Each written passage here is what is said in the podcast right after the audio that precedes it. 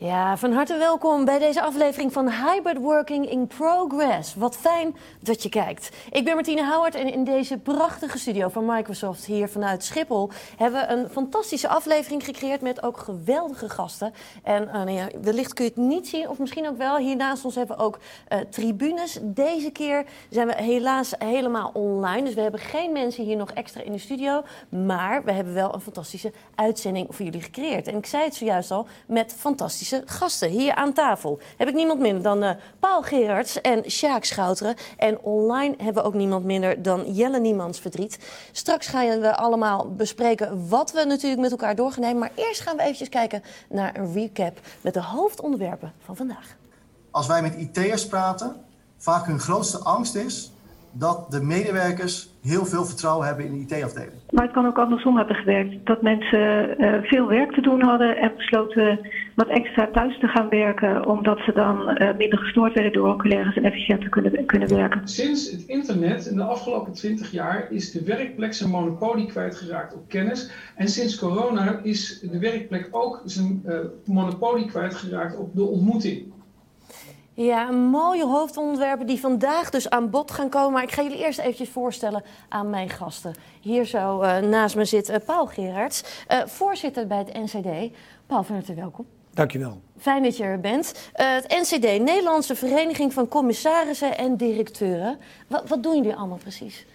Ja, nou ja, je zegt het al heel goed. Het is zowel voor commissarissen als directeuren, dus zowel ja. voor degenen die actief leiding geven aan een onderneming. Um, en de toezichthouders. Ja. En wat doen we? Eigenlijk drie dingen. Um, we zijn een clubhuis, we zijn dus een vereniging in 26 districten, waar je met elkaar van gedachten kunt wisselen over cybercrime, over uh, de fiscus, over hoe je mensen goed gemotiveerd houdt in deze tijd, of wat je ook maar wil. Ja. Uh, vaak ook zoals hier met inspirerende sprekers om elkaar, van elkaar te leren, te inspireren en uh, het leven zakelijk een stukje beter te maken. Dus het clubhuis. We leiden ook op. We leiden op tot commissaris, omdat we weten dat dat geen bijbaantje meer is, dat ik met uh, Jacques net over. Maar echt een, uh, echt een part-time baan, dat toezichthouder. Dat is wel veranderd in de laatste tien jaar. Daar komt veel bij kijken. Daar komt veel bij kijken. En we willen ook af en toe graag de stem zijn van die commissaris of directeur, als dat in de media gevraagd wordt. Wat vind je dan van dat leidinggeven anno nu? Ja, dus dat zijn de drie dingen. Mooi palet wat dat betreft aan dingen Ja. die allemaal aan bod komen. Uh, we gaan dan vandaag ook verschillende dingen natuurlijk met elkaar bespreken die nu allemaal spelen. Ook onder andere met jou, Sjaak Schouteren, Cyber Development Leader bij Mars Netherlands. Wat houdt jouw functie allemaal precies in? Kun je dat een Uh, ja, om te beginnen, Mars is risicoadviseur. Dus wij adviseren onze klanten en prospects over risico's. Ja, En ik als Cyber Development Leader ben eigenlijk het eerste aanspreekpunt voor onze klanten en prospects als het gaat over cyber risk management. Uh, en wij helpen onze klanten met name in het kwalificeren, dus inzichtelijk maken van risico's, bijvoorbeeld door scenarioanalyse te doen. Het kwantificeren van het risico, dus echt een financiële component daarachter zetten. En het managen van het risico. En dat managen kan zijn, uh, ik accepteer het risico. Het kan zijn, ik ga het risico mitigeren door bijvoorbeeld business continuity management eh, in place te krijgen. Op bewustwordingstrainingen doen we ook veel. Of je transfereert het risico naar een cyberverzekering. Dus dat is globaal gezegd uh, wat wij doen. een, een mooi vak lijkt mij zo. ja. Juist ook in deze tijd. Ja, ja ik zei het al tegen Paul.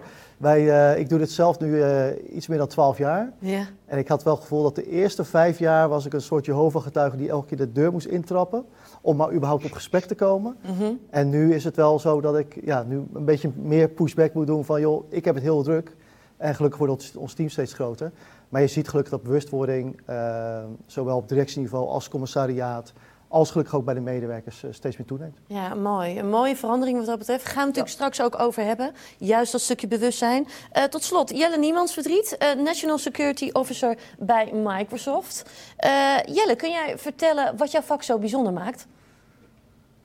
Uh, ja, zeker. Nou, in, in, wat ik in mijn rol doe uh, als National Security Officer is eigenlijk een soort ja, ambassadeur haast. Niet van een land, maar dan van Microsoft.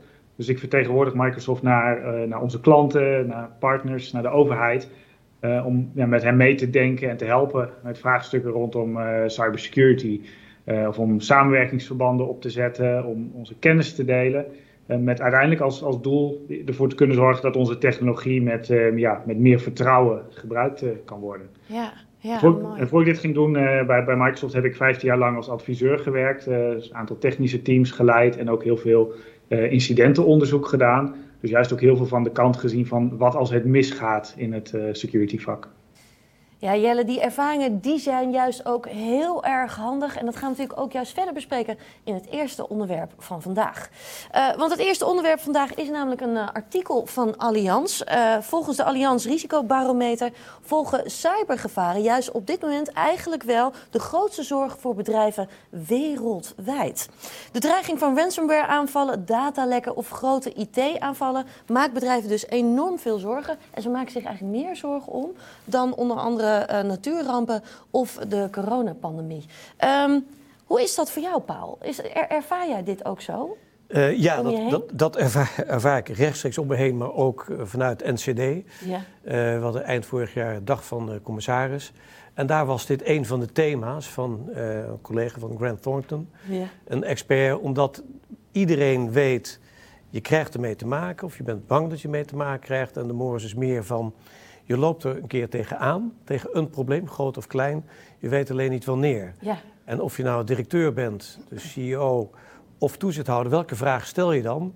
Want het is, we, zijn, we weten wel al dat het eh, niet meer alleen een ICT-probleem is. Of dat je niet alleen maar bij de ICT-officer moet neerleggen, maar dat het veel integraler is en daardoor ook veel lastiger. ja. Dus Ja. ieder, het besef dat die donkere wolk zeg maar boven je hangt, dat, is er wel dat is inmiddels. Maar ik kan me ook voorstellen, als Sjaak zegt tien jaar geleden of twaalf jaar geleden, dat dat toen nog exotisch was. En echt iets wat diep in de organisatie bij de ICT-experts werd neergelegd. En dat besef, dat is de laatste, ik denk de laatste twee, drie jaar sterk gegroeid. Dus ik denk dat die deur bij jou steeds meer open Ja, nee, wordt gedaan. Dat klopt. En, eh, en op zich, hè, Allianz doet dit onderzoek nu, eh, wij doen het ook. En we zien eigenlijk de laatste vijf jaar wel dat cyberrisico's altijd wel in de top vijf staan. Mhm. Eh, maar nu zie je bij Allianz al op nummer 1. En nummer 2 is heel interessant, is business interruption. Nou, wat is nou het grootste gevolg van cyberincidenten? Business interruption. Dus eigenlijk, als je hem zo afkalft, zijn 1 en 2 eigenlijk de twee grootste risico's. Nou, dat zien wij altijd bij cyberincidenten, ja. Ja. Jelle, is dit wat jij ook steeds meer om je heen ziet? Die zorgen van bedrijven? Ja, ik, ik, dat, dat deel ik zeker. En ik eh, ben het eens met de observatie dat het gelukkig eh, nou, steeds meer gezien wordt als, als veel meer dan alleen een IT- en, eh, en een security probleem. Dus ik denk dat we in die zin ja, in een tussen aanhalings, of tussen aanhalingstekens een goede situatie zitten. Eh, het probleem is duidelijk, het belang is, is meer dan helder. Ehm, ik denk dat de bal ook zeker aan de kant nu van de eh, IT- en security mensen ligt om die als het ware uitgestoken hand eh, eh, aan, te, aan te nemen. Ehm, en nou, de, de boardrooms, eh, ja, eigenlijk ook te vertellen wat er dan moet gebeuren en, en ze mee te nemen. Want ik denk dat dat ehm, ja, eh, af en toe nog wel eens ontbreekt. Dat, eh, dat er nog iets te veel blijven hangen in het probleem eh, schetsen en eh, op de trom eh, slaan. Ja. Nou ja, dat, dat is het inderdaad. Want eh, de zorgen zijn er, maar dan is het nog welke stappen ga je nu zetten? Als bedrijf? Nou, ik ben blij dat je het vraagt, want nu ik toch hier met twee experts zit en ik ben de generalist hier aan tafel, is inderdaad de vraag: wat is de vraag die een toezichthouder of een directeur dan echt moet stellen Ja. aan zijn, aan zijn experts, of ze nou in of extern zijn? Wat is nou, hoe zou je hem willen aan laten vliegen door die boardroom, zoals je zegt, eh, Jelle?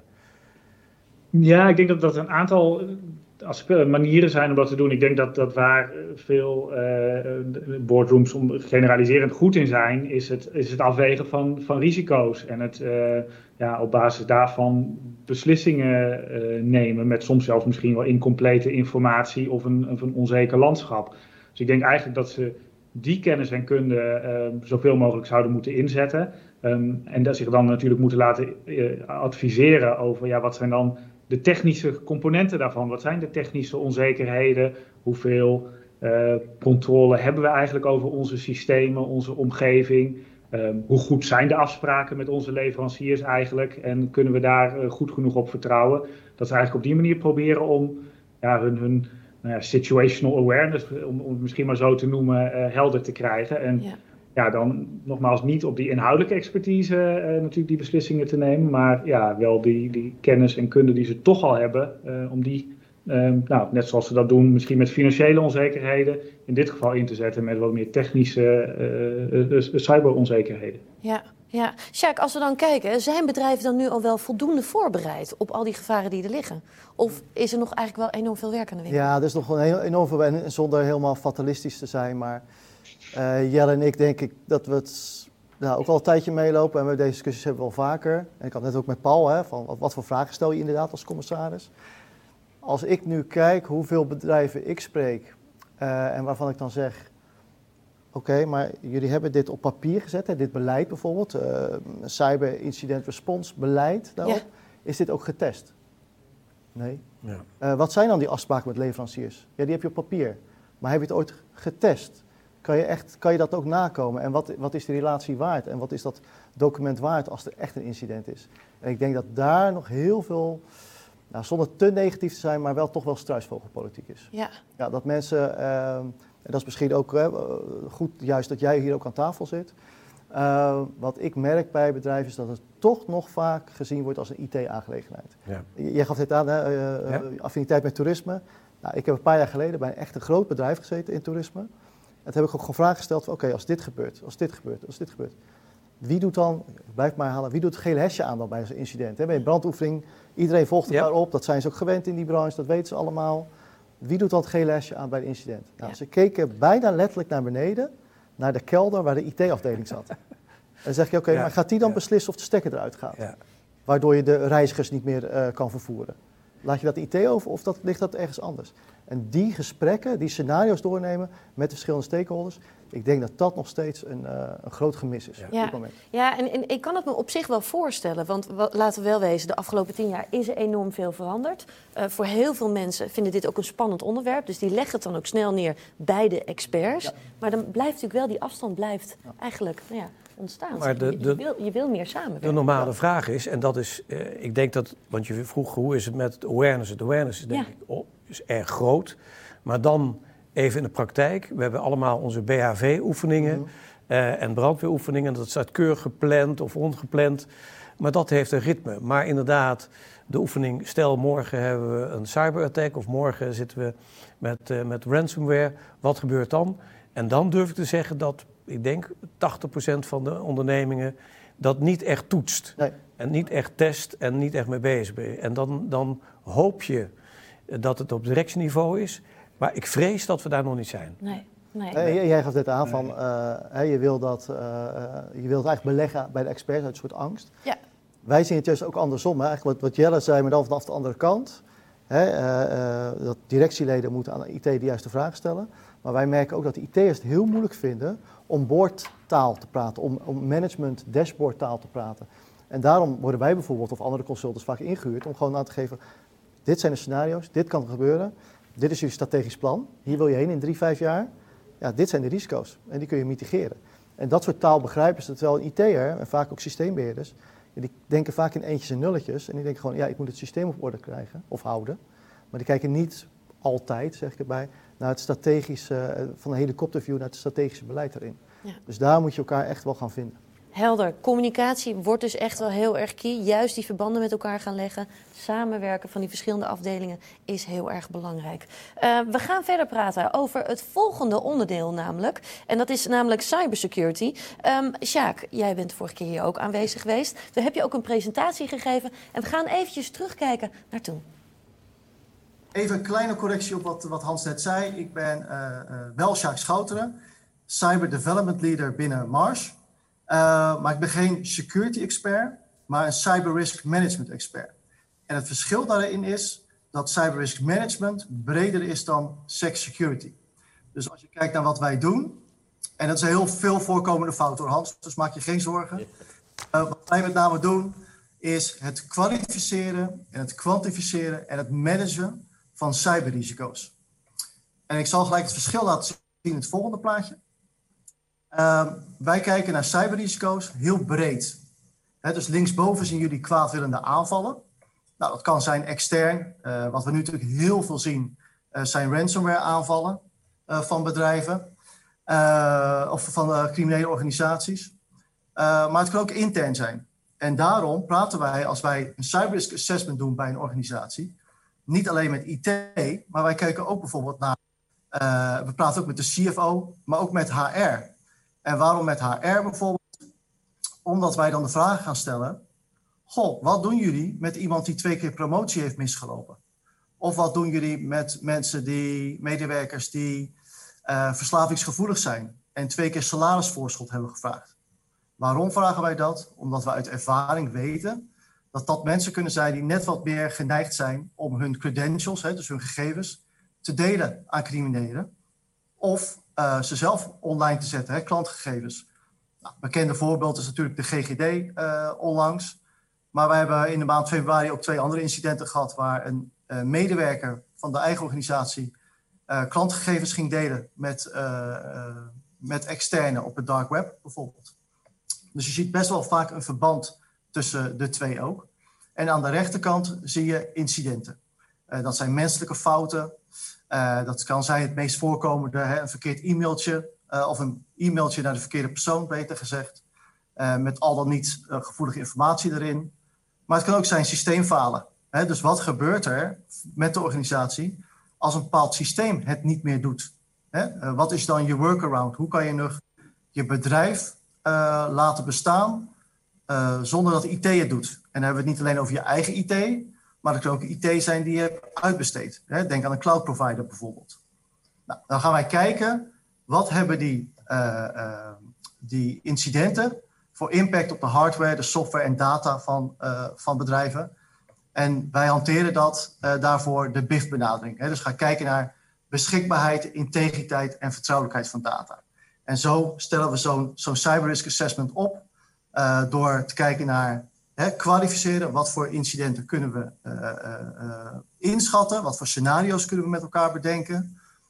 Dan ga je die scenario's bekijken op beschikbaarheid, integriteit en vertrouwelijkheid. En dan ga je kijken, wat zou zo'n scenario voor financiële impact voor de organisatie kunnen hebben? En dan ga je kijken bijvoorbeeld naar losgeld, claims van derden, mogelijke boetes omdat je niet kan leveren of boetes van de autoriteit persoonsgegevens. En maar ook bedrijfsschade, inkomstenderving, kosten die je als gevolg van het incident moet maken en reputatieschade. Dus dat is veel omvattender dan SEC cybersecurity. Ja, een heel uitgebreid verhaal van jou, Sjaak. Mooie visie. Uh, Paul, wat is jouw eerste reactie? Hoor? Nou, wat mij opvalt is, uh, als we hebben over ICT of risico, dat het heel vaak over systemen gaat. En ik ben blij dat Sjaak toch ook ergens daar de factor mens nog in naar voren brengt. En dat zien we bijvoorbeeld bij fraude. Als we nu kijken naar fraudebehandeling, is de morris dat er meer, dat het handiger is om naar cultuur te kijken, naar mentaliteit. Dat investeren daarop veel meer rendeert dan nog een extra paragraaf en een extra uh, handtekening en, en die checks. Dat dat eigenlijk niet meer uh, opbrengt, terwijl cultuurverandering. En jij noemde ook van ja, wie is meer gevoelig om, uh, om daar iets verkeerds mm -hmm. te doen daar, dat vind ik heel helder dat het toch weer om de mens gaat. Ja. Anders verliezen we elkaar zo in de techniek. Ja. En dat is maar de helft. Ja, Jelle, sluit jij daarbij aan? Is de menselijke factor uiteindelijk misschien wel het belangrijkste? Ja, sluit me volmondig bij aan. Ik denk uh, dat dat ook een van de valkuilen uh, is waar veel IT- en security mensen intrappen. De gedachte dat wij, ja, onze missie er is om uh, servers en laptops te beschermen. Nee, daar gaat het helemaal niet om. Het gaat erom dat mensen, dat onze collega's, onze klanten, onze familie, uh, dat die uh, technologie op een, op een uh, zo'n manier kunnen gebruiken dat ze daar vertrouwen in hebben. En ik draai wat dat betreft ook wel heel vaak dat, dat mantra van um, security awareness ook om. Er wordt heel vaak gezegd van ja, mensen moeten meer security aware zijn. Ik vind eigenlijk dat security veel meer mensen aware moet zijn. Moet zijn. Security teams en IT teams moeten veel beter snappen uh, hoe systemen op dagelijkse basis gebruikt worden en wat mensen daarbij kan helpen, wat ze in de weg kan zitten, hoe je dat beter zou kunnen maken. En ja, eigenlijk veel meer zorgen dat security daarop aansluit, in plaats van dat je eigenlijk continu bezig bent om mensen uh, uit hun ja, goede manier van werken, uit hun goede flow te halen, met een goed bedoelde, maar net niet zo gebruiksvriendelijke security maatregel. Ja, ja, helder. Dat zeg je mooi, inderdaad. Als je het zo vertelt, denk je: oké, okay, dan weten we precies wat we moeten gaan doen. Uh, maar er liggen toch nog best wel wat uitdagingen ook wel. Ja, zeker. En, en dat is nou, wat Paul heel terecht zegt: cultuur is daar zo essentieel in. Ja. Dus uh, eigenlijk wat jij ook zei, hè, want wij komen bij organisaties binnen en die hebben dan een assessment laten doen door een IT-security bedrijf. En die hebben gezegd: dit mag niet, dit mag niet, dit mag niet. Nou, die gaan dat gewoon Hup, uh, afgetikt, want uh, ja, misschien bestuursaansprakelijkheid, hè, een beetje spannend, dus we willen gelijk. Security, uh, no trust, huppatee, gooi alles dicht. Ja. Nou, een half jaar later, wat ontstaat er? Twee datastromen. Want de cultuur is, ik wil mijn klanten helpen. Ja. Dus wat gaan ze doen? Ik mag geen fotobestanden meer versturen, bijvoorbeeld. even uit de verzekeringswereld, claims, mhm. heel veel foto's erbij. Kan ik niet meer naar jou versturen, want ik moet een account aanmaken voor jou. Nou, dat is veel te veel moeite en jij moet die informatie nu hebben. Dus dat ga ik doen. Ik ben klantgericht. Dan stuur ik naar mijn Gmail, mijn persoonlijke Gmail. En verstuur ik het s'avonds naar je toe. Nou, heb je dus twee datastromen. Eentje heb je wel in beeld als IT-organisatie of als organisatie. En die tweede niet. Uh, dus je maakt beleid uh, niet rekening houden met de cultuur zoals die is. En ik denk altijd dat je eerst moet kijken, wat voor cultuur heb ik binnen deze organisatie? En hoe past risk management, en in mijn geval dan cyber risk management, binnen die cultuur? Ja. In plaats van de cultuur veranderen om dat security beleid erin te passen. Ja, Cultuur, cultuur is taai, dus je zult ook denk ik heel goed moeten uitleggen van wat zou het gevolg kunnen zijn dat je even, dat toch nog even dat USB-stickje erin doet. Hè? Dus het is ook een stuk uh, ja, toch weer jouw missionariswerk. Ja om het maar uit te leggen eh, waarom het zo zou moeten. Nou ja, ik heb, en ik weet niet hoe jij er naar kijkt, maar ik heb veel liever dat je tegen in een organisatie zegt, joh, dit, dit mag wel allemaal wel, maar dat je uitlegt wat de risico's erbij zijn, dan dat je gewoon zegt, dit mag niet en niemand weet waarom niet. Ja, dus dat, dat, dat, uitgebreide communicatie is hier dus ook weer heel erg belangrijk. Ja, ja. Dus dat je mensen wel duidelijk ook aangeeft wat wel mag, maar inderdaad ook duidelijk die uitleg geeft waarom dan dus ook eventjes niet. En dan niet alleen vanuit de IT-afdeling, mhm. maar ook het middenmanagement. Die, die is echt zo belangrijk in dat soort dingen. Dat zie je bij bewustwordingstraining ook. Hè. Dat vaak is dat ook compliance gedreven. Dan moet je zo'n check-the-box ding doen. Maar als je dat gaat doen, dan komt de manager langs en zegt... hé, hey, uh, ga jij eens aan het werk? Ja. Terwijl je moet zeggen, oh wat goed dat je die, die training doet. Terwijl zo'n training werkt vaak niet hoor, maar goed. Hè, maar wel dat je die, die, dat, dat, dat niet alleen maar een wortel of een stok is... maar ook af en toe een wortel geven van... oh wat goed dat je dit meldt, wat goed dat je dit doet. Ja, ja en, en goed vooral volhouden, want we weten... een gedragsverandering, het mm. duurt ongeveer 30, 40 dagen... En dan ben je over die hurdle dat het gewoon lastiger en langer duurt. Dan is het geïnternaliseerd. Maar je moet wel even volhouden. Niet gelijk bij de eerste tegenwind. Ja, verstuur maar. Maar ik heb het niet gezien. Ja. Precies, dat herken jij wel waarschijnlijk. Ja. ja. Jelle, dit is ook wel iets wat jij denk ik ook heel erg herkent. En wat, wat zou jou, uh, jij eigenlijk aan willen vullen wat nu echt nodig is? Waar, waar, waar moet je beginnen? Uh, nou, ik denk allereerst voortbouwend op, op Sjaaks uh, wortel, stok- en wortel metafoor. Ik denk dat security en IT-teams ook moeten zoeken naar meer voorbeelden van, van wortels. Dus waar kun je als het ware een security maatregel um, daadwerkelijk koppelen aan bijvoorbeeld een, een efficiëntieverbetering of een betere flow voor, voor klanten die op je website een, een, bestelling doen. Dus ik denk dat dat een, een, een, kunst is die, ja, denk ik, te weinig security teams nog, nog goed beheerst. Om echt die, ja, die win-wins eigenlijk te vinden. Dat lijkt me, vind ik heel belangrijk. Ik denk daarnaast, um, en nou, ook dat, ik, ik weet dat Sjaak dat ook herkent, er zijn een heleboel ja, eigenlijk fundamentele technische concepten um, die bedrijven zouden, zouden kunnen nemen. Um, en ja, dat is helaas ook nog steeds een gebied waar toch te weinig gedaan wordt. Dus misschien ook wel ja, vanuit een soort. Um, ja, het, het, is misschien ook wel spannend om na te denken over de meest nieuwe technische ontwikkelingen en hele spannende hacks die misschien wel door landen uitgevoerd worden. Maar ja, terwijl je uh, daar naartoe aan het kijken bent, uh, wordt er ondertussen uh, aan, aan, de rechterkant gewoon door met hele basale technieken misschien wel toegang gekregen tot je netwerk. Dus ik denk dat dat naast die menselijke kant toch ook nog steeds een hele belangrijke factor is. Zorg dat je gewoon je fundament op orde hebt voordat je verder gaat kijken. Helder, helder. Mooi eindstatement eh, van dit hoofdonderwerp. Uh, we gaan alweer verder met het derde onderwerp. En dat is namelijk thuiswerken. Uh, van thuiswerken gaan we namelijk ook steeds meer hybride werken. Maar het is ook wel gebleken dat thuiswerken toch wel heel anders valt bij mensen dan we van tevoren hadden verwacht. Um, Kilian Wahoo, die heeft daar ook meer over verteld in onze vorige summit. Laten we eventjes terug gaan kijken. Ehm, als het gaat over werken op afstand of werken op kantoor, is ten eerste wat is opgevallen, is wat eigenlijk heel opvallend is, is dat wij mensen eigenlijk veel beter in staat zijn om op afstand te werken dan we eigenlijk dachten.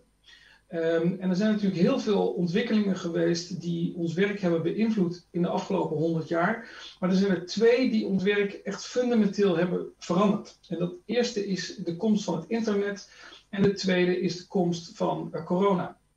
Want sinds uh, het internet is de werkplek zijn monopolie kwijt op kennis. Uh, waar ik uh, 20 jaar, 25 jaar geleden nog alle dossierkasten nodig had in de bank waar ik werkte, is er nu geen enkel systeem op bijvoorbeeld de Vrije Universiteit waar ik op afstand niet bij kan. Bijvoorbeeld de bibliotheek die ik altijd nodig had, daar kan ik zelfs online kan ik daarbij. Dus sinds het internet in de afgelopen 20 jaar is de werkplek zijn monopolie kwijtgeraakt op kennis. En sinds corona is de werkplek ook zijn uh, monopolie kwijtgeraakt op de ontmoeting. Ja, we zitten op dit moment in een andere ruimte en toch zijn we enigszins met elkaar verbonden. En de vraag is natuurlijk, kunnen we nou dadelijk in de toekomst eigenlijk ook werken zonder die verbondenheid? Ja, een, een, mooie vraag. Kunnen we inderdaad in de toekomst werken zonder die verbondenheid? We zien het, hè? thuiswerken is toch uiteindelijk nou ja, heel anders uitgepakt bij mensen dan men van tevoren had verwacht. Uh, Jelle, hoe zie jij dat in de, in de praktijk? En als we kijken naar de afgelopen twee jaar, wat, uh, wat heb jij gezien? Nou, ik denk dat je, uh, wat er in het filmpje ook gezegd werd, het, het kantoor heeft niet meer de, het monopolie op die kennis. Je ziet eigenlijk hetzelfde een beetje in de, de digitale wereld, waarbij je ziet het datacentrum, waar vroeger alle computersystemen bij elkaar stonden, en het kantoor, waar de kantoorcomputers en de kantoorlaptops ingeplucht zaten. Um, ja, dat heeft eigenlijk ook digitaal niet meer het, monopolie op kennis. Uh, mensen werken overal op allerlei soorten apparaten. Um, maar daarmee brengt dat met zich mee dat vanuit ja, het beveiligingsaspect we, we ook moeten nadenken over een ander model om daar toe te passen. Vroeger bouwde je een beetje een soort, ja, een soort kasteelmuur eigenlijk om je kantoor heen, zo'n firewalls en allemaal beschermingsmechanismen, probeerde je de boze buitenwereld buiten te houden en alles wat binnen was, was vertrouwd. En dat is nu niet meer haalbaar, want ja, je mensen zitten overal. Um, die, uh, je kan dat niet meer met zo'n zo'n muur eromheen bouwen. Dus daar moet je eigenlijk een, ja, een andere uh, nou, filosofie en daarbij behorende technische manier om dat te regelen, uh, moet, je, moet je gaan toepassen. Ja, ja, dat vergt dus een andere aanpak. Um, als we dan even kijken, Sjaak, waar moet je beginnen als je echt wilt kijken naar dat hybride werken? Nou ja, dat, het is best een, een, een, een, een lastig probleem. We hadden net over cultuur. Je cultuur van de organisatie verandert natuurlijk ook gewoon. Hè? Ja. Wij hebben gemerkt dat best veel claims uh, op cyberverzekeringen bijvoorbeeld... komen nu ook van, van remote desktop, waar gewoon hiaten in zitten. Maar ook de manier, en dat zijn niet altijd de grootste claims, moet ik eerlijk bij zeggen... maar uh, mensen uh, printen nou, classified uh, documenten, dus uh, uh, vertrouwelijke documenten, printen ze op hun eigen printer uit, data, gebruiken ze de laptop van de zaak of niet, dat soort ja. zaken. Ja. Maar eigenlijk wat misschien nou, net zo relevant is wat Paul net zei over die cultuur en, en betrokkenheid, had je het ook over. Hè? Ik denk namelijk dat mensen die betrokken zijn bij een organisatie, daardoor heb je altijd veel meer de kans op grote datalekken. Omdat mensen gewoon betrokken zijn, die snappen dan wat er bij de klanten gebeurt, die kunnen zich invoelen. Hoe groter die afstand wordt tussen jou, ergens, je zit uh, uh, niet op, in Schiphol, maar je zit thuis in Rotterdam te werken op een flatje. En je hebt geen, geen betrokkenheid met, met Paul, Jelle en met jou meer. Ik vraag me af of dat dan gevolg gaat hebben op die datalekken bijvoorbeeld, op, op Ja. cyberincidenten. Ja. En wat wij nu zien, dat is wel grappig om te merken, is dat een cyberverzekering is redelijk gemeengoed. Nou, laat ik het zo zeggen. Elke organisatie heeft er wel eens over nagedacht, moet ik als organisatie een cyberverzekering hebben? En wij worden nu steeds meer gevraagd van, joh, ik wil ook voor mijn medewerkers wat verzorgen. Dus een cyberverzekering voor particulieren en in ons geval is dat dan voor de werknemers. Ja, ja je, je zegt het al, hè, die betrokkenheid die is dus heel erg belangrijk. Juist als je op afstand ook steeds meer gaat werden, werken en hybride gaat werken. Hoe, hoe zorg je dan voor die betrokkenheid? Waar begin je dan? Nou, eerst als, als, als je mij zou vragen, uh, twee jaar geleden of drie jaar geleden, of het zou kunnen dat je een hele grote organisatie met meer dan uh, 1500 medewerkers, uh, omzet van 600 miljoen, dat die verkocht zou kunnen worden in onderhandeling met partijen met één fysieke meeting. Mm -hmm. En voor de rest 25 digitale meetings, soms met vijf, soms met 25 mensen. In vier landen zou je zeggen, mission impossible, onmogelijk. Je moet elkaar, Ja. je moet elkaar in de ogen kijken, de smell of the room, weet je wel. En in deze tijd heeft het ook heel veel digitale versnelling meegebracht. Enorm. De heb- afgelopen twee jaar is dat natuurlijk enorm snel. Het is één groot sociaal experiment. Eh, en voorheen, ik weet uit mijn oude tijd, datarooms, ja, dat waren echt fysieke kamers waar mensen dan in mochten snuffelen. En nu is alles digitaal goed beveiligd en dat werkt heel snel. Klopt. Dus de snelheid waarmee we dat normaal eh, zijn gaan vinden, ook om de vergaderingen, dat is bijzonder. En dat vind ik heel apart dat we nu ook gaan nadenken van ja, we hebben een afspraak, maar wacht, kom ik nou helemaal van Rotterdam naar Utrecht voor die ene afspraak of kan het ook digitaal? Dus dat is wel een enorme verandering geworden. Dus het, het is wel het nieuwe normaal geworden. Het is het nieuwe normaal geworden, maar dat brengt ons wel bij de vraag: hoe ga je dit goed aanpakken? Ja, en daar zien we ook, uh, een mooi onderzoek is net geweest, ik geloof van Nationaal Nederlanden. Dat kijkt ook naar de, uh, uh, de verschillende doelgroepen of medewerkers.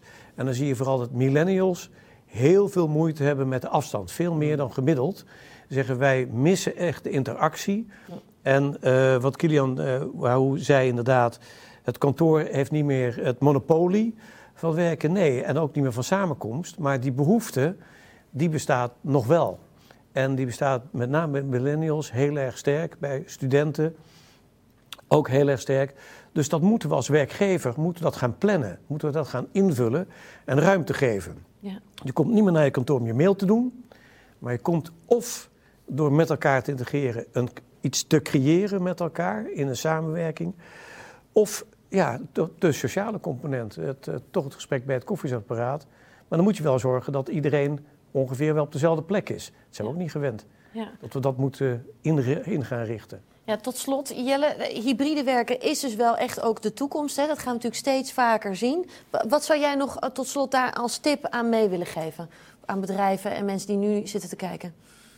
Nou, ik denk voortbouwend op wat Paul zegt, dat, dat is, eh, we hebben binnen Microsoft ook heel veel onderzoek naar gedaan. En, en Satya Nadella, onze CEO, die heeft het ook wel eens over de, ja, dat eigenlijk een soort paradox situatie uh, waar we in zitten. Aan de ene kant missen mensen inderdaad dat bij elkaar komen en die sociale interacties van, ja, van het kantoor. Aan de andere kant zijn mensen ook ja, toch eigenlijk wel heel blij met de efficiëntie en niet met z'n allen om half negen in diezelfde file staan.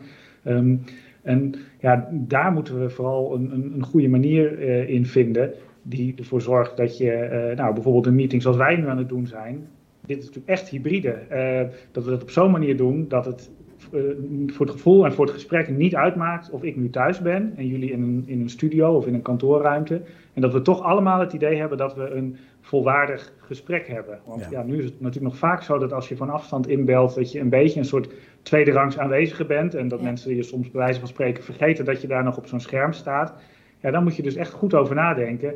Um, deels weer met, met technische hulpmiddelen, maar natuurlijk vooral ook weer met nou, die, die cultuur, die menselijke factor waar we het over hadden. Uh, hoe regel je dat? Wie zit nou zo'n vergadering voor? Um, hoe, hoe, en, en, vaak misschien ook wel, dat vergeten we misschien ook wel, uh, vaak misschien ook juist wel door gewoon minder meetings te doen en meer te kijken van nou, uh, even elkaar op de hoogte brengen, een statuslijstje doorspreken. Ja, dat kan natuurlijk ook prima met een document of, of met, een, met een applicatie die dat ondersteunt. En dan gebruik je het samenkomen inderdaad voor die, um, nou, meer die toevalstreffers en die, die mooie gesprekken, uh, al dan niet bij een fysiek uh, koffieapparaat. Helder, helder. Als ik nog even mag aanvullen, het onderzoek was dat de grootste behoefte van medewerkers flexibiliteit in, in werk, hè, flexibele werktijden. Maar de tweede, en niet omdat we nu bij Microsoft zitten, is de tooling. Hmm. En dat zie je, dat was uh, twee jaar geleden niet. En nu het besef dat dat qua techniek enorm veel kan uitmaken. Breakout rooms, de kwaliteit van het scherm, kwaliteit van verbinding. Omdat we nu meer gewend zijn, zijn de eisen hoger geworden ja, ineens. Mensen worden kritischer daardoor. Mensen worden kritischer, ja. ja. Het is niet meer een bijzaakje, maar het is gewoon... Het is letterlijk hybride werken. En dan, dan mag je daar ook andere eisen aan stellen. Helder verhaal. Jelle, ik wil jou heel erg bedanken ook voor het delen van je visie. Heel graag tot de volgende keer en heel veel succes met alles wat je gaat doen. Graag gedaan. Dankjewel. En uh, dat brengt ons alweer bij het vierde item van vandaag. En dat is namelijk uh, nou, hybride werken. Daar hebben we het zojuist ook al over gehad. Uh, maar daar gaan we nog eventjes verder op door. Want hybride werken heeft namelijk ook een grote impact op onze denk- en werkwijze. En Edith Josten heeft daar ook al meer over verteld. Laten we even luisteren.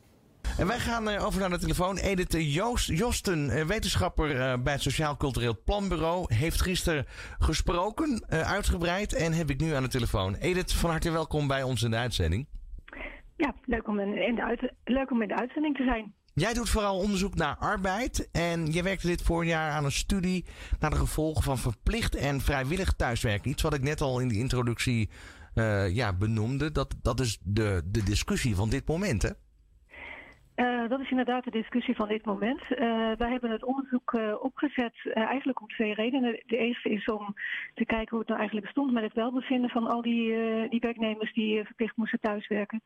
En ten tweede ook om te laten zien van, goh, wat kun je daar nu uit leren voor de toekomst van, van hybride werken? Dus wat, wat zie je dat er voor- en nadelen zijn van thuiswerken? Zowel het thuiswerken, verplichte thuiswerken in de coronapandemie als het vrijwillige thuiswerken in de jaren ervoor voor het welbevinden van mensen. Ja, en dan, dan heb je het over de autonomie van werknemers. Uh, je hebt het over ja. vertrouwen vanuit uh, de, de werkgever, over het management, uh, de steun die je daarbij vindt. En een, een opmerkelijk verschijnsel is eigenlijk ook wel het feit dat medewerkers geneigd zijn meer uren te maken zodra ze thuiswerken. Uh, dat zag je inderdaad in de jaren voor de coronapandemie. Dan zag je dat mensen die thuiswerkten meer uren maakten dan ze deden als ze niet uh, thuiswerkten. Um, we weten niet helemaal zeker hoe de oorzaak- en gevolgrelatie zit. Dus of het zo is dat mensen als ze thuiswerken dan denken van... nou god, ik ben die reistijd niet kwijt. Uh, ik, ik, kan wel wat meer uren maken, zo ben ik ook wat zichtbaarder op mijn werk. Maar het kan ook andersom hebben gewerkt. Dat mensen uh, veel werk te doen hadden en besloten wat extra thuis te gaan werken... omdat ze dan uh, minder gestoord werden door hun collega's en efficiënter kunnen, kunnen werken. Ja. Dus we weten daar niet helemaal zeker hoe de oorzaak-gevolgrelatie zit. Ja, je hoort het alweer. Het brengt wat dat betreft ons allemaal in nieuwe situaties. Uh, Sjaak, jouw eerste reactie op als je dit dan zo hoort, hè? wat dan uit zo'n uh, nou ja, onderzoek naar voren komt? Nou ja, wel herkenbaar ook hè, bij ons. Ik, ik zit er 2,5 jaar thuis ongeveer. We waren redelijk streng in de, in de maatregelen. Ja. En uh, ja, je, je, werkt natuurlijk zo efficiënt. En je ziet ook nu dat onze leidinggevenden die hebben ook ervaren nu, oh het kan dus echt. Hè? Dus het wordt nu ook uh, als het nieuwe normaal gezien. Ja, het vertrouwen is er inmiddels ja, ook. Ja, hè? precies. Ja. En uh, wat jij net zei op al, uh, de tooling is er nu ook. Hè? Dus dat, dat, dat werkt natuurlijk ook mee. Alleen ik merk ook wel dat, dat het lastig is inderdaad om... Het is niet meer dat je om zes uur in de lift stapt, in de auto... En je hebt even die break tussen hè, van, van werk naar huis rijden of van de klant naar huis en dan ben je thuis en dan is het gewoon. Klopt. Nou, niet altijd, die scheidingslijn is ja, gewoon veel minder. En nu is het gewoon uh, ontbijten achter een scherm. Uh, heel vaak hebben wij de eerste meetings ochtends, dus iedereen een beetje te ontbijten. Dus je hebt bijna nooit meer dat, dat echte rustmoment. Uh, het positieve ervan wel is bijvoorbeeld dat ik om vier uur in de sportschool kan zijn. Ja. Hè, dus je kan veel, dat, je privéleven kan je ook veel makkelijker organiseren. Alleen de, de grens is helemaal vervaagd. Ja, ja wat, wat is jouw ervaring daarbij? Nou, ik vind het ook een heel groot gevaar. Want we zien inderdaad dat dat niemand kunnen denken dat de productiviteit 20, 25 procent gestegen is bij het thuiswerken. Dus ja, en, ik denk dat eerder vooraf men dacht dat het gaat andersom nou, dit, zijn. Dit wordt een puinhoop, ja. uh, sociale controle, die ouderwetse baas die langs kantoren loopt. En goh, die Sjaak, die harde werker, die is altijd als eerste en als laatste weg. Ja, ja, dus het betekent ook qua leiding geven dat je veel meer op vertrouwen, maar ook heel simpel veel meer op output in plaats van uh, face value wat je ziet. Hè. Meer vertrouwen en meer echt goed kijken wat doet echt iemand. In plaats van uh, kijken hoe iemands zichtbaarheid ja. of presentie is. Klopt. Um, maar ik vind ook dat, dat die scheidslijn tussen werk en privé. Je hebt meer vrijheid, dat is fijn, maar het is ook heel erg uh, intrusive. Dat is geen goed Nederlands woord. Het is heel erg indringend in je privéleven. Want tenzij grote kamers hebben, een grote zolder waar je echt kunt afzonderen. Wat ik ook zou aanraden. Dus ga niet uh, ongeschoren sloppje zitten, maar vandaag werk ik thuis. Nou, op tijd op, gewoon in, in een normale uh, outfit, bij wijze van spreken. Want dan heb je toch nog een soort mentale scheiding tussen werk en privé. En toevallig vanochtend is bekendgemaakt dat in uh, België is de wetgeving dat ambtenaren niet meer buiten werktijden gestoord mogen worden door hun bazen voor een verzoek of een e-mail, et cetera. Dat was in, in Frankrijk. Was dat al? Ja. Nu ook in België. Dus het komt vanuit het zuiden komt het deze kant op. En dat is puur om medewerkers te beschermen, want anders is er geen scheidslijn meer tussen dat, zakelijk en privé. Dat is het. Dat is een heel mooi voorbeeld. Maar wat zou je nog meer kunnen doen? Zeg maar? Hoe kun je als werkgever dit goed faciliteren? Want we staan wel voor nieuwe uitdagingen, een nieuwe werkomgeving. Wat, wat dat betreft. nou ja, ik denk toch uh, niet alleen maar uh, het soort laissez-faire van kijk maar wanneer je naar kantoor komt. Mm -hmm. Dus het is toch handig om wat afspraken te maken hoe dat zit met kantoorbezetting. Daar mag je ook als werkgever een rol in hebben. Dat, dat is ook in de CAO. En dat komt er nu ook aan. Uh, de, de werkelijkheid gaat voor de, de wetgeving uit. Dus nu krijg ik ook steeds meer afspraken van... wat mag ik als werkgever vragen aan medewerkers... Ja. Of ja, eh, mag ik iemand vragen om naar kantoor te komen? Dat wordt bijna raar gevonden nu. Terwijl dat vroeger, mag ik alsjeblieft een dag thuis werken? Dus het is helemaal omgedraaid. Ja. De structuur, tooling, heel belangrijk. En vergeet ook het sociale component niet. En met name de jongeren hebben daar blijkbaar meer behoefte aan dan de iets ouderen. Die hebben meer aan hulp bij tooling. Jongeren, meer sociale interactie. Herkennen wij ook hoor. Dat, Ja, eh, dat zien wij ook. Dat, ik ben bijna nooit op kantoor meer, maar als ik op kantoor zit, zitten meestal altijd de jongeren er. Waarom? Eh, die hebben nog niet het netwerk wat ik bijvoorbeeld wel heb. Hè? Dus dat is, die staan eigenlijk twee jaar stil. En bij onze branche is netwerk heel belangrijk. Dus die hebben dat netwerk gewoon niet. Dat is gewoon lastiger via Zoom of Teams dan eh, fysiek elkaar te ontmoeten. En die hebben natuurlijk vaak ook een andere woonsituatie. Ik bedoel, ik heb mensen echt nou, bijna kapot zien gaan voor mijn scherm. Ja. Omdat die met twee kleine kinderen zaten in een flatje op eh, Zuidoost Amsterdam. Ja. Ja, dat is anders dan dat ik gewoon mijn eigen kamer inderdaad heb. Dus dat is lastig. En wat wij met name doen, want ik bedoel, eh, ik kan alleen voor mijn eigen organisatie eh, spreken, in mijn afdeling. Wij hebben wel echt open gesprekken gehad over e-mails versturen om tien uur s'avonds. Eh wij hebben ook al gezegd van, ja, iedereen heeft nu zijn andere werkritme. Hè. De een vindt het fijn om s ochtends te werken, dan gaat hij daarna heel lang wandelen met de hond, want dat kan nu. Ja. Als hij geen afspraak heeft, maar die gaat daarna s'avonds mailtjes sturen. Ja, hoe je het went of verkeerd, mensen gaan toch op de tablet of de, of de telefoon gaan ze kijken. Dus hebben wij wel gezegd van, joh, doe dat dan gewoon niet. Hm. Eh, tenzij het echt dringend is. Maar ja, stuur dan een sms'je of zo als het dringend is. Hè? Dus probeer dat dan te beperken inderdaad. Maar heel goed dat jullie daar bewust van zijn. En daar ook toch, je hebt toch ook als, als leidinggevende ook een regiefunctie in. Ja, klopt. Dus dat eh, is goed. Maar het begint bij bewustzijn en niet eh, norm- eh, voor normaal aannemen. Stukje bewustzijn is dus hier ook weer heel erg belangrijk. Eigenlijk is dat wel een terugkomend iets. Eh, als we dan ook kijken naar het volgende onderwerp, dus inmiddels alweer het vijfde hoofdonderwerp, dan is de toekomst van werken asynchroon. Namelijk eh, volgens het onderzoeksrapport van eh, Capgemini hebben ze dit naar buiten gebracht. De toekomst is asynchroon, wat betekent dat dus ook nou ja, werken en ook de plekken waar je dus ook allemaal werkt, nou ja, verschillend zijn. En waarin dus privé en werk ook steeds meer nou ja, samen begint te komen. Eigenlijk ook wel de conclusie waar we het zojuist over hadden. Maar hoe zit het dan met veiligheid? Daar ligt natuurlijk wel echt een, eh, een uitdaging. Ehm Sjaak, als we daar eventjes naar kijken. Hè, als iemand op afstand werkt, hoe kun je dan ook echt aan veiligheid werken? Nou ja, je hebt natuurlijk je, je systemen, hè, VPN-verbindingen, desktop remote, eh, dat soort zaken. Maar vroeger, eh, als mensen veel reisden bijvoorbeeld, dan werden ze ook getraind in hoe ga ik om met de data, eh, waar praat ik wel en niet over in een vliegtuig, dat soort zaken. Eigenlijk zou je dat nu ook weer moeten doen voor de thuiswerken. Ja, je wil ze de kost geven die op hun balkonnetje praten over die en die klant en eh, de verzekering daarvan of nog andere gevoelige zaken. Ik heb het zelf ook meerdere keren meegemaakt. Dat ik van alles eigenlijk van mijn buren hoor. Dat ik Ja. denk, oh, dit hoor ik volgens mij Nou, niet te horen. En, een ane- anekdote in de Thalys naar Parijs. En, en daar zit je dus vrij lang in. En er was gewoon een. Eh, de, eh, de, de stoel achter me was gewoon stevig vergaderd, maar het ging over een overname. Ja. En ook nog in mijn, mijn branche. Dus ik denk, eerst dacht ik van wat geestig, dan denk ik, nou, dit kan niet.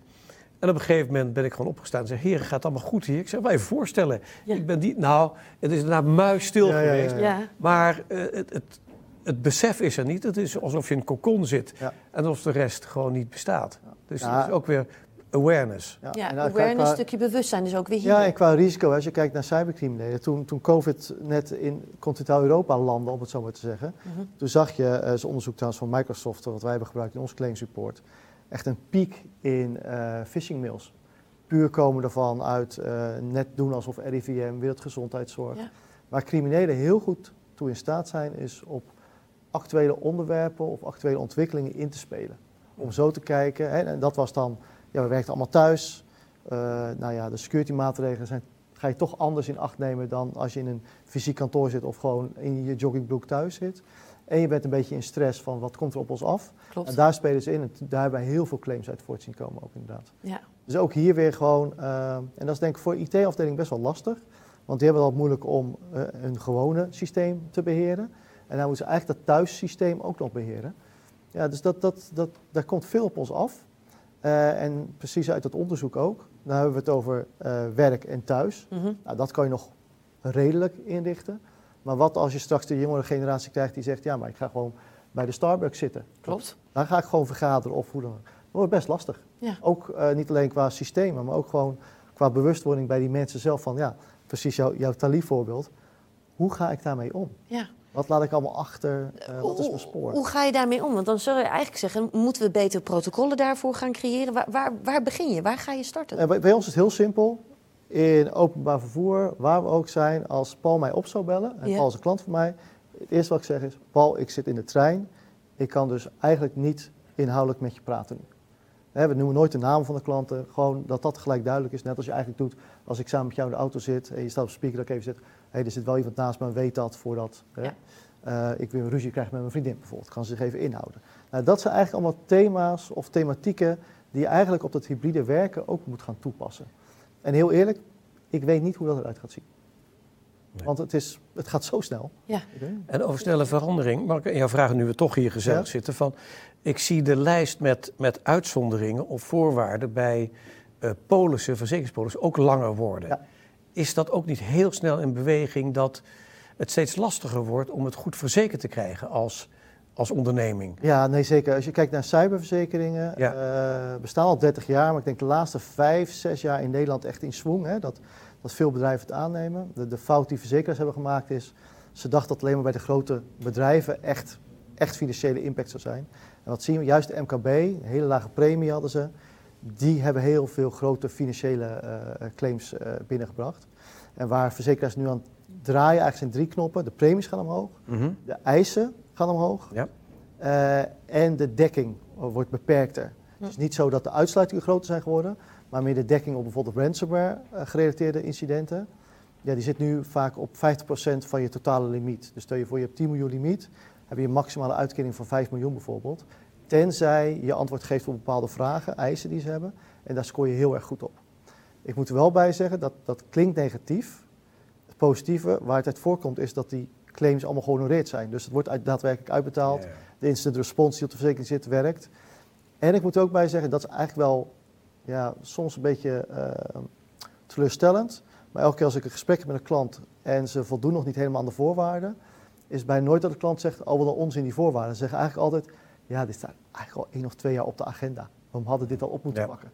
Dus het is ook een soort, uh, ja, hoe zou ik zeggen, multiplier effect wat ja. verzekeraars uh, doorvoeren. En, en nog één praktisch, als ja? het mag, één praktisch punt.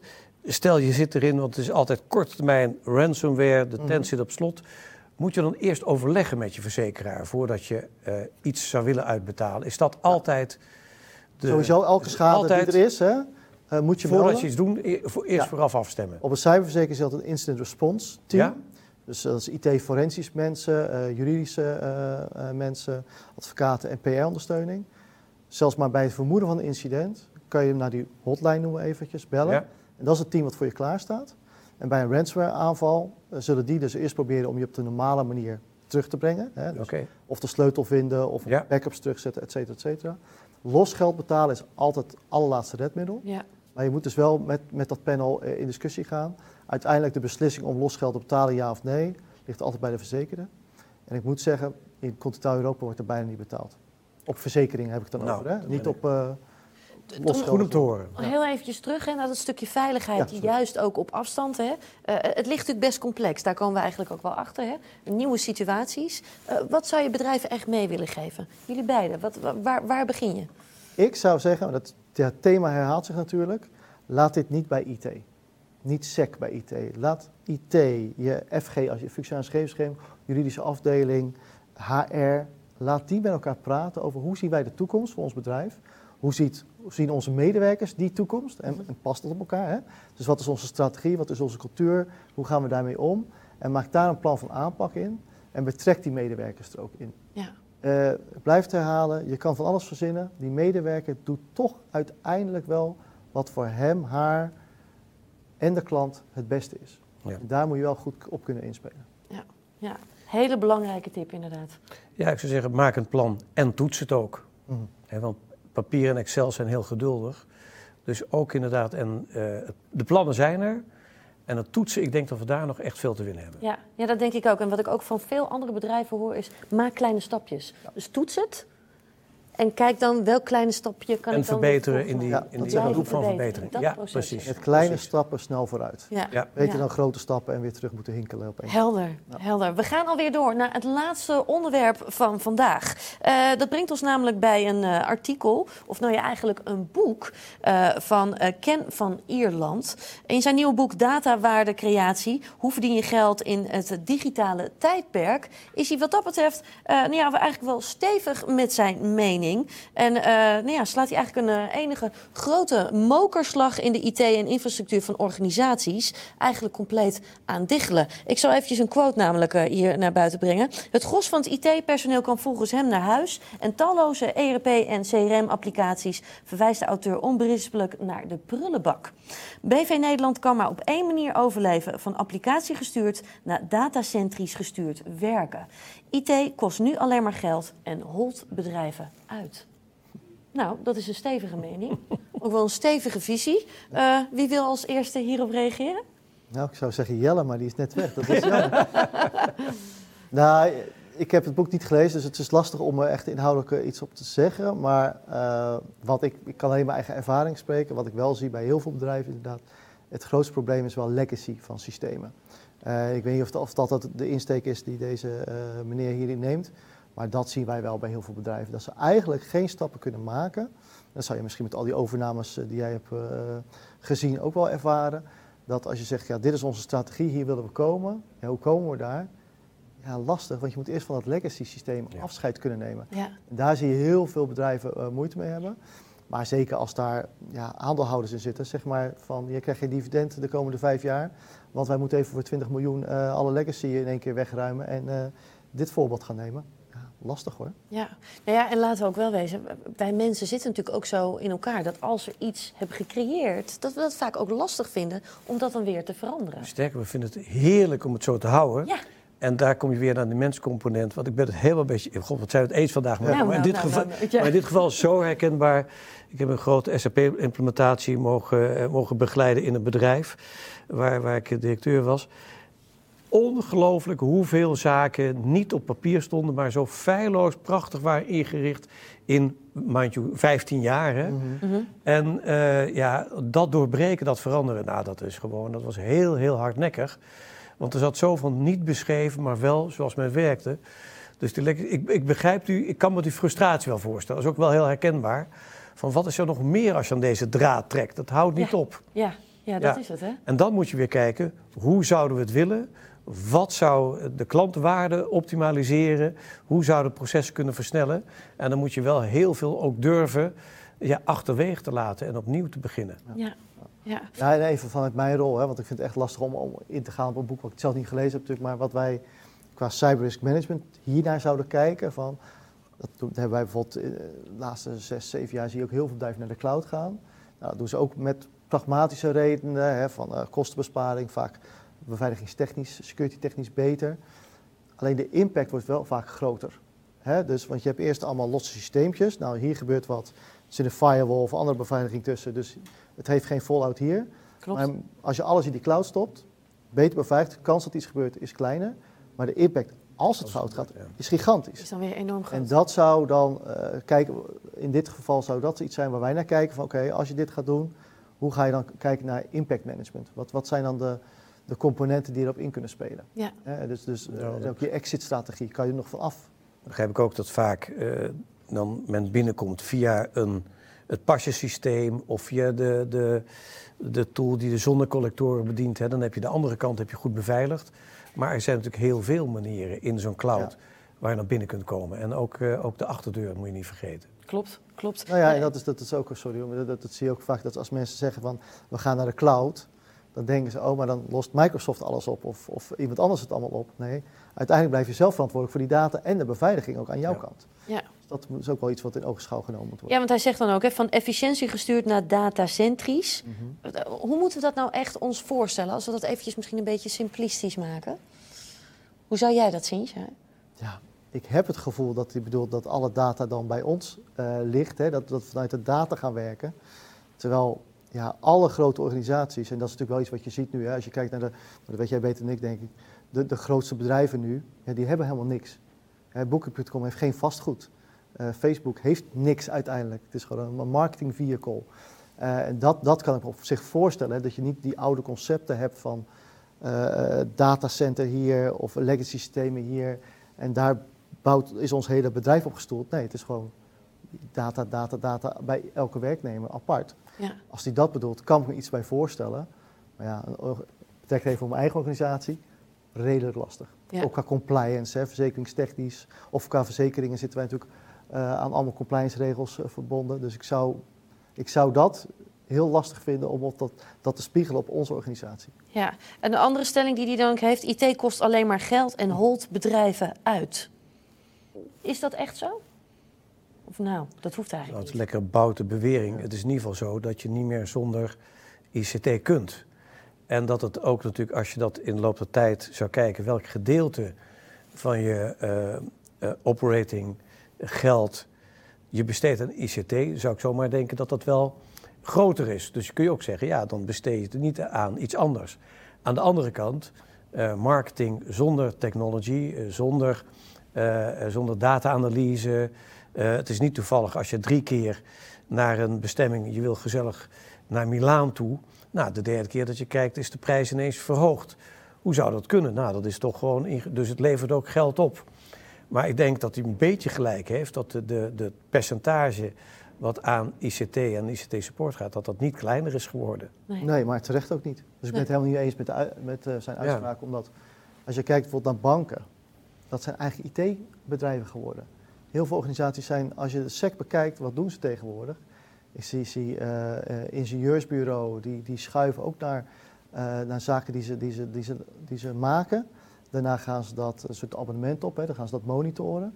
Uiteindelijk wordt het ook een soort IT-service dienstverlening. Dus ja, ik snap wel dat IT daarin steeds belangrijker wordt. Ga maar alle jaarverslagen kijken naar de strategische planning. Nou, allemaal mogelijk gemaakt door IT. Ja. Ja. Allemaal digitalisering. Dus, uh... En binnen, binnen toezichthouders, dan is er nu ook de zogenaamde digicommissaris. Juist uh, in het leven geroepen om te zeggen, nou het gaat zo hard, kunnen wij nog wel de juiste strategische vragen stellen. Uh, aan weten we dat het geld voor de aandeelhouders wel op de goede manier besteed wordt. Dus los van iemand die HR een portefeuille heeft, die, die finance, zeggen nou eigenlijk kun je geen toezicht houden op een middelgroot bedrijf zonder dat je niet een commissaris hebt die ook verstand heeft van digitalisering. Heb je dat niet, pak een expert erbij. Huur iemand erbij in die jou wel begeleidt om de juiste vragen te stellen, zodat wel de juiste keuzes gemaakt worden. Want vaak zijn die investeringen in systemen meerdere jaren en uh, grote, grote bedragen. Ja. Helder.